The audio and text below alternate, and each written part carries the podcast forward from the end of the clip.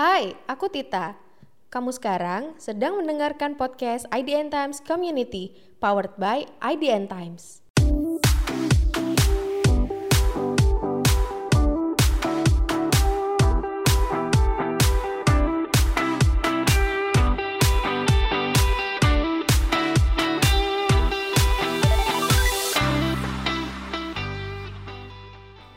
Episode kali ini, kita bakal ngomongin soal langkah-langkah editor dalam mengedit dan menerbitkan artikel bersama Kak Indra. Kak Indra ini adalah salah satu editor di IDN Times Community yang paling sering banget dapat pertanyaan dari community writers. Pasti kalian penasaran kan, kalau editor lagi ngedit artikel tuh prosesnya kayak apa sih? Apa yang biasanya dilakukan editor ketika pertama kali melihat artikel dari community writer? Hai, nama aku Indra, editor IDN Times Community.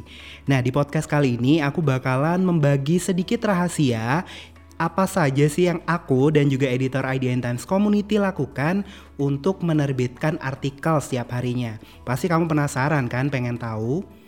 Nah, banyak sebenarnya langkah-langkah yang uh, aku dan teman-teman editor itu lakukan sebelum menerbitkan artikel.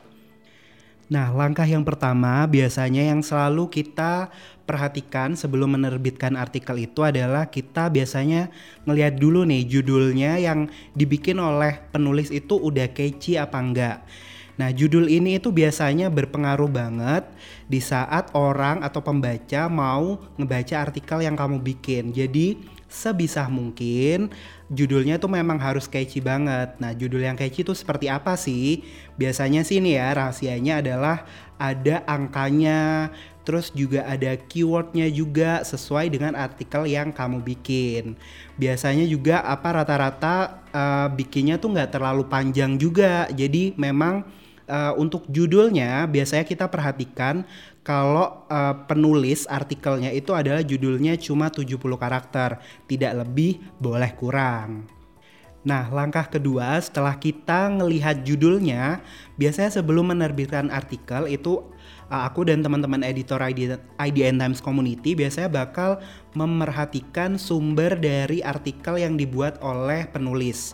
Nah, ini penting banget karena kita harus memvalidasi apakah sumber atau uh, data yang dipakai oleh penulis itu udah sesuai atau uh, cuma hoax belaka. Jadi kita harus memang benar-benar memerhatikannya. Nah, caranya adalah biasanya kalau ada penulis yang udah nulisnya bagus banget, cuman uh, pas kita lihat kok nggak ada sumbernya gitu. Biasanya kita langsung balikin dan kita meminta kepada para penulis itu untuk uh, mencantumkan minimal minimal ya minimal dua sumber dan link lengkapnya. Jadi biasanya kita minta uh, mereka memberikan sumber yang jelas dari mana supaya kita bisa memverifikasi oh ternyata ini beneran uh, ada datanya. Misalnya nih ada penulis yang uh, menulis tentang fakta Candi Borobudur. Nah, kita biasanya memang meminta mereka untuk memasukkan misalnya uh, memberikan link dari Kementerian Pariwisata, link situs resmi yang berisi uh, data dan fakta mengenai Candi Borobudur.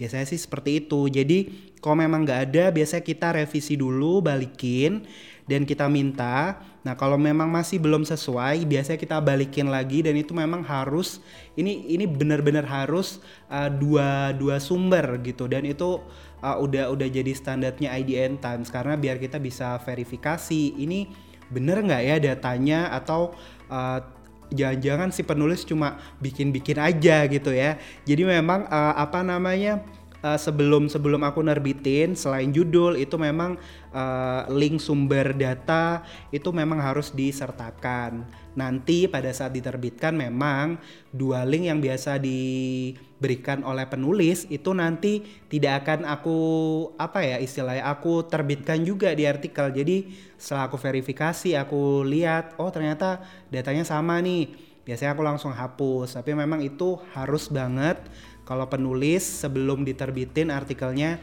harus memberikan dua link sumber data yang valid gitu ya. Nah, kalau misalnya nih aku juga mau ngasih masukan.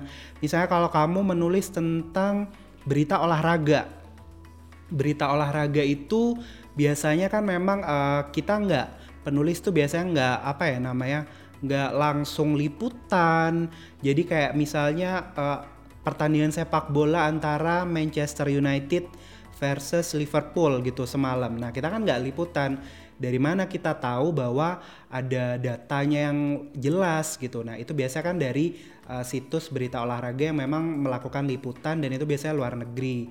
Nah itu memang harus di uh, masukkan seperti itu. Jadi memang harus diperhatikan banget ya soal sumber informasi ini.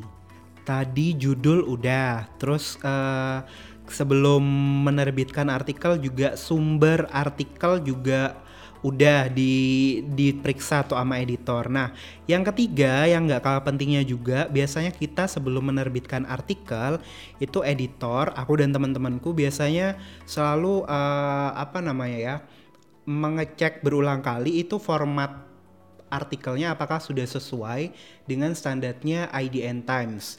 Nah, standarnya IDN Times kalian pasti udah tahu kan ya gitu. Kalau IDN Times itu uh, artikelnya biasanya memang bentuknya adalah listicle dan memang minimal uh, apa namanya kalau bukan news dan juga sport itu memang harus uh, 5 poin gitu. Nah, listicle itu juga biasanya di uh, dilengkapi dengan foto-foto uh, di setiap uh, poinnya. Jadi supaya memang uh, pembaca itu jadi lebih bisa membayangkan oh ternyata ini toh yang pengen dibahas sama si penulis seperti itu. Nah, jadi memang sebelum aku lanjut untuk ngeklik uh, tombol publish, biasanya memang selain judul dan juga sumber uh, dari artikel, biasanya formatnya aku cek berulang kali. Biasanya itu yang paling paling sering salah adalah soal format penulisan uh, artikelnya. Jadi ada nih uh, penulis yang sukanya tuh nulisnya langsung uh, judulnya tuh cuma uh, misalnya nih membahas tentang fashion ya gitu kan fashion itu biasanya complicated gitu yang dibahas harus dari ini uh, bawahannya tuh apa sepatunya apa atasannya apa terus kalungnya model apa nah itu biasanya ada yang nakal gitu jadi bikinnya tuh jadi cuma ngomong pakai kaos warna biru gitu. Kaosnya tuh nggak di nggak dikasih tahu war, uh, warnanya apa misalnya.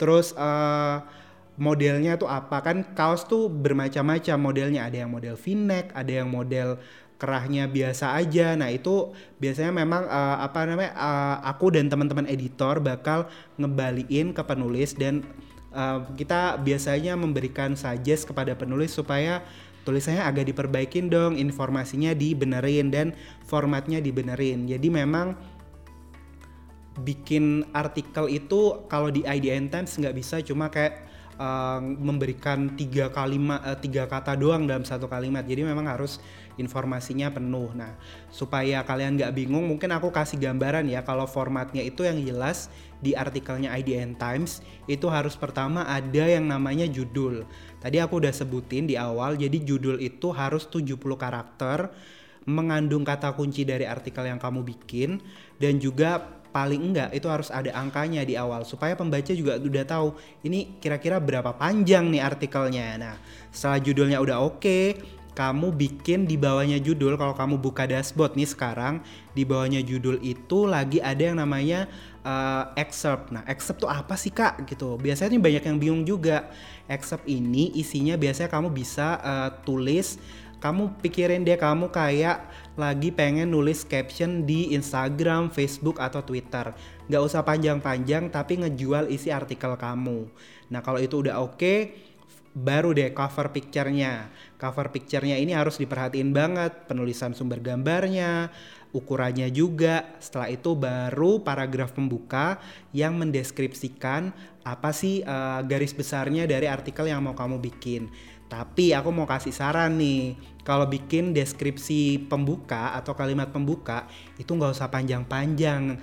Jangan kayak nulis novel ya, 30 paragraf ditulis di kalimat pembuka. Jadi cukup dua paragraf aja dan di satu paragraf itu maksimal tiga kalimat aja. Jadi memang bikin se uh, apa padat mungkin informasinya. Supaya apa? Supaya pembaca kamu nggak tiba-tiba hilang gitu. Abis ngeklik uh, artikel kamu karena udah kepanjangan kalimat pembuka mereka langsung hilang. Nah jadi kan sayang banget tuh informasinya nggak sampai diselesain gitu sama pembaca. Nah setelah kalimat pembuka udah oke, okay, kamu kalau misalnya pengen nulis misalnya 5 uh, tempat wisata paling oke okay di Pulau Dewata. Nah yang pertama yang jelas subjudulnya harus ditulis yang benar yaitu pakai angka lalu baru uh, tempat wisatanya. Setelah itu kalau udah oke okay, baru sumber gambarnya ditul uh, baru gambar maksud aku jadi gambarnya harus ditulis dengan uh, format yang oke. Okay. Nanti aku bakal jelasin juga. Terus abis itu baru dedikasi deskripsi seperti itu sampai di poin kelima jangan lupa dikasih kalimat penutup yang ada kaitannya sama poin yang kamu bahas seperti itu. Nah, kalau format artikelnya udah benar, yang keempat ini yang paling penting dan biasanya eh, nggak uh, penulis baru, penulis lama itu biasanya masih suka melakukan, yaitu adalah uh, memplagiasi alias uh, menulis beberapa kalimat ternyata kalimatnya tuh mirip dengan kalimat yang udah dibikin oleh uh, artikel lain atau penulis lain. Nah, jadi memang ini biasanya sebelum aku dan teman-teman editor IDN Times Community menerbitkan artikel, kita biasanya checking double check itu soal uh, plagiasi ini. Kenapa? Karena plagiasi ini memang uh, istilahnya penting banget gitu loh guys. Karena kalau kamu udah ketahuan nulisnya sama dan penulis aslinya itu tahu kalian bisa dituntut sama ini sama hukum. Jadi memang ada ada ada peraturan hukumnya tersendiri seperti itu. Jadi sebelum kalian nulis itu uh, katakanlah terinspirasi boleh ya tapi jangan sampai terinspirasi itu ditulis istilahnya sama persis seperti itu jangan. Nah ini biasanya yang sering kita lakukan.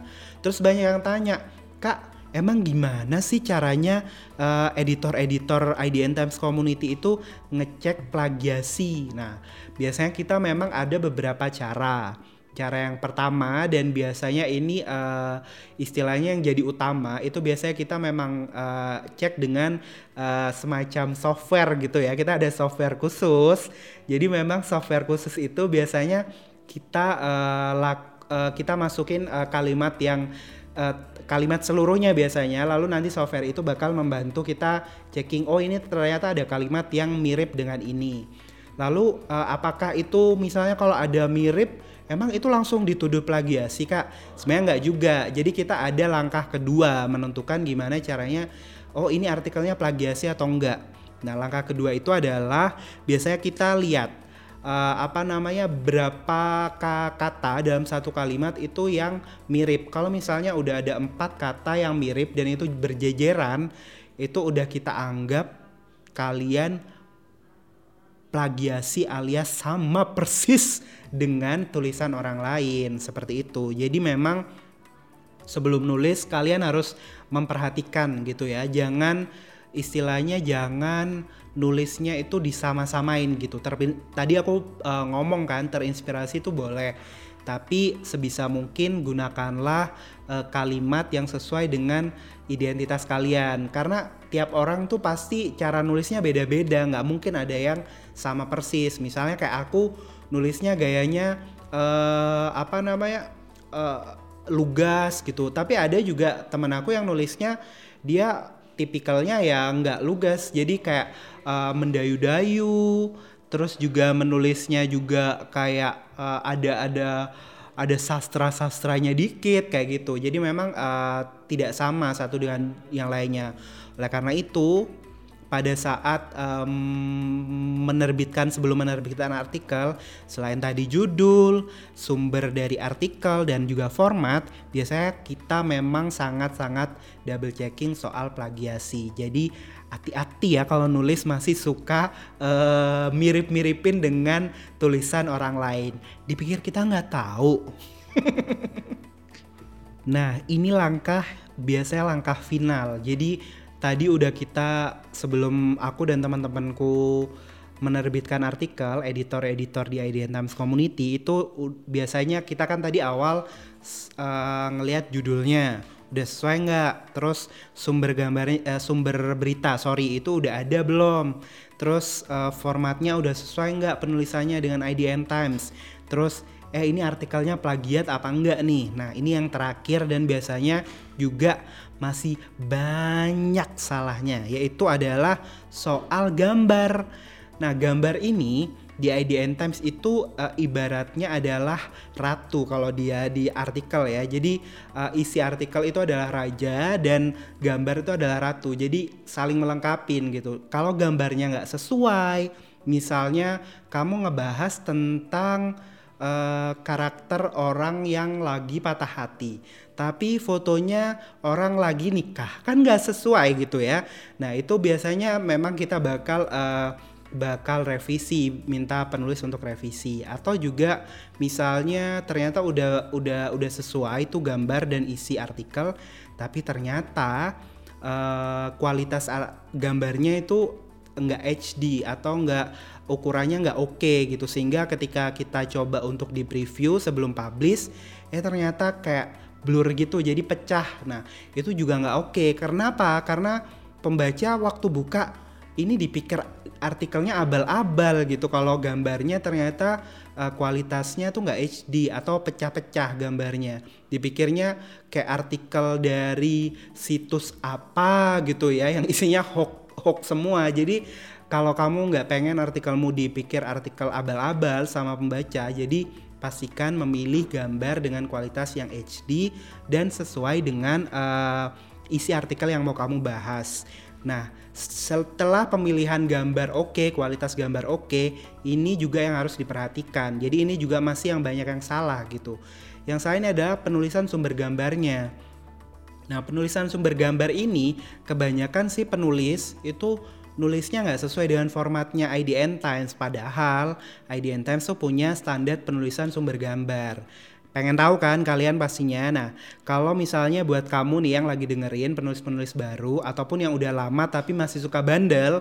Nah, jadi kamu kalau mau uh, menulis sumber gambar itu memang nggak perlu dicantumin link lengkapnya. Jadi memang misalnya nih aku ngambil gambar dari uh, skyspot.com gitu. Nggak perlu ditulis uh, eh, https www.skyspot.com bla bla bla bla itu nggak perlu. Nah itu kalau link lengkapnya itu kalian tulis di URL link sumber gambar di bawahnya penulisan sumber gambar. Nah untuk sumber gambarnya ini kalian cukup tulis skysport.com ya bukan Sky Skysport doang atau www.skysport.com. Jadi hanya skysport.com. Nah, kalau misalnya kalian ngambil gambar dari sosial media, biasanya yang banyak tuh Instagram kan ya. Nah, kalau Instagram itu juga ini masih banyak yang salah. Kadang nulisnya tuh cuma instagram.com gitu ya. Apakah ini salah kak? Ya jelas salah dong ya gitu. Jelas salah tentunya. Nah, uh, kenapa? Karena ini berkaitan juga dengan uh, istilahnya uh, apa kita menghargai karya gambar orang lain. Misalnya kalian nulis tentang uh, masakan-masakan khas Padang kayak gitu. Terus kalian pengen ngebahas salah satunya adalah rendang, rendang daging. Nah, terus kalian cari-cari ternyata di Instagram ada hasil uh, gam gambar atau jepretan dari misalnya @kakak gitu ya. Nah, Terus kalian cuma nulis instagram.com. Kalau at kakak Zakaria ini tahu gambarnya dipakai tapi nulis sumber gambarnya nggak benar, dia bisa langsung marah marah-marah nih sama kamu, langsung nuntut kamu.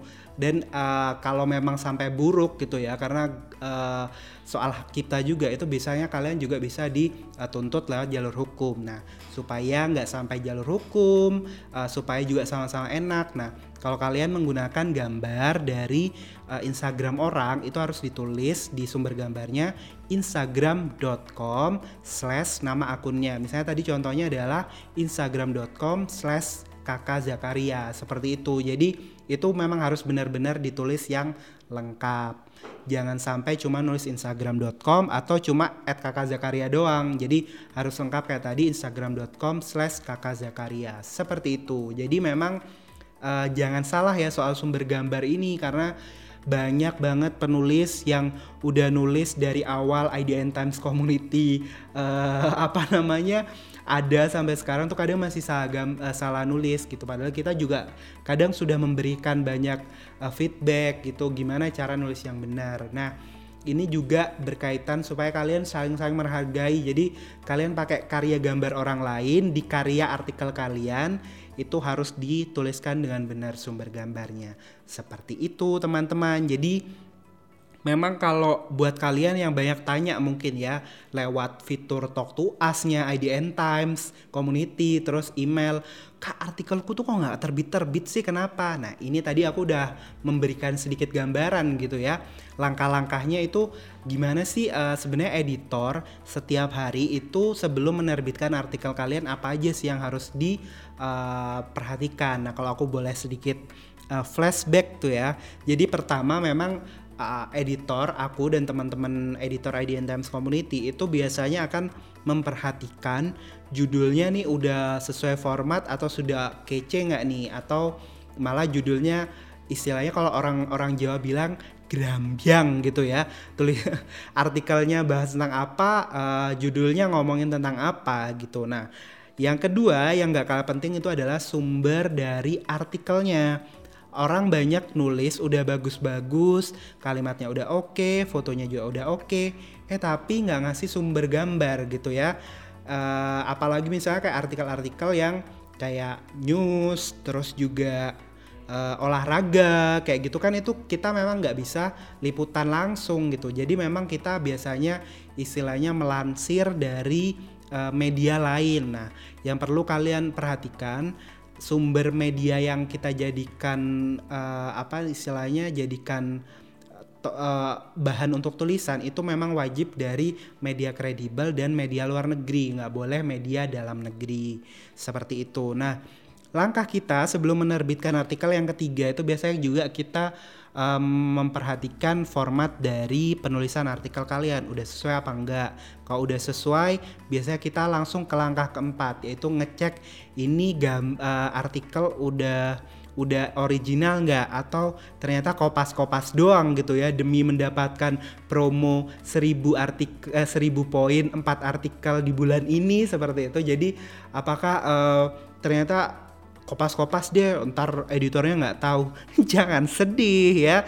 Kita tahu kalau kalian misalnya nulisnya suka kopas-kopas gitu. Nah yang kelima dan yang nggak kalah penting adalah biasanya kita juga akan um, mengecek gambarnya udah sesuai nggak kualitasnya udah oke okay nggak dan yang paling penting juga penulisan sumber gambar sama URL-nya udah sesuai nggak seperti itu. Nah semoga apa yang aku berikan hari ini sedikit rahasia dapurnya editor uh, eh, IDN Times Community ini bisa mencerahkan teman-teman yang lagi dengerin podcast uh, hari ini. Jadi uh, misalnya artikelku nggak terbit, artikelku kenapa direvisi mulu sih kak? Inilah jawabannya ya, gitu. Dengerin ini aja dan menulislah sesegera mungkin supaya kalian bisa mendapatkan poin yang sebanyak-banyaknya, artikelnya diterbitin sebanyak-banyaknya. Seperti itu.